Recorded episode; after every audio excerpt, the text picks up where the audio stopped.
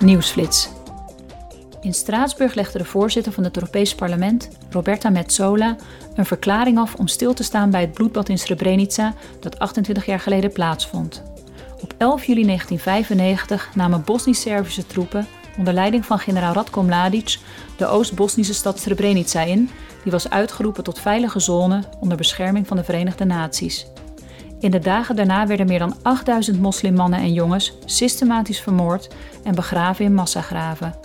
Duizenden vrouwen, kinderen en ouderen werden onder dwang weggevoerd. In heel Bosnië werden tussen de 20.000 en 50.000 vrouwen en meisjes slachtoffer van seksueel geweld. Voorzitter Metsola zei hierover het volgende.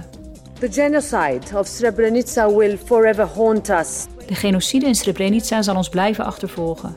28 jaar later zijn we getuigen van een toenemende ontkenning van deze genocide, van leugenachtige retoriek en de verheerlijking van oorlogsmisdadigers. Het is onze plicht om ons hiertegen uit te spreken, om de wereld te herinneren aan een waarheid die niet kan worden ontkend. That cannot be denied. De VN beschreef de genocide in Srebrenica als de ergste gruweldaad op Europees grondgebied sinds de Tweede Wereldoorlog. De leden van het Europees Parlement hebben groen licht gegeven voor nieuwe regels om energiebesparingen te stimuleren. De nieuwe wet schrijft voor dat het primaire energieverbruik en het eindenergieverbruik uiterlijk in 2030 met 11,7% moeten zijn gedaald. Op lokaal, regionaal en nationaal niveau zullen in verschillende sectoren nieuwe maatregelen worden genomen. De herziene richtlijn over energieefficiëntie maakt deel uit van het Fit for 55-pakket, dat bedoeld is om de broeikasgasemissies tot 2030 met 55% te verminderen.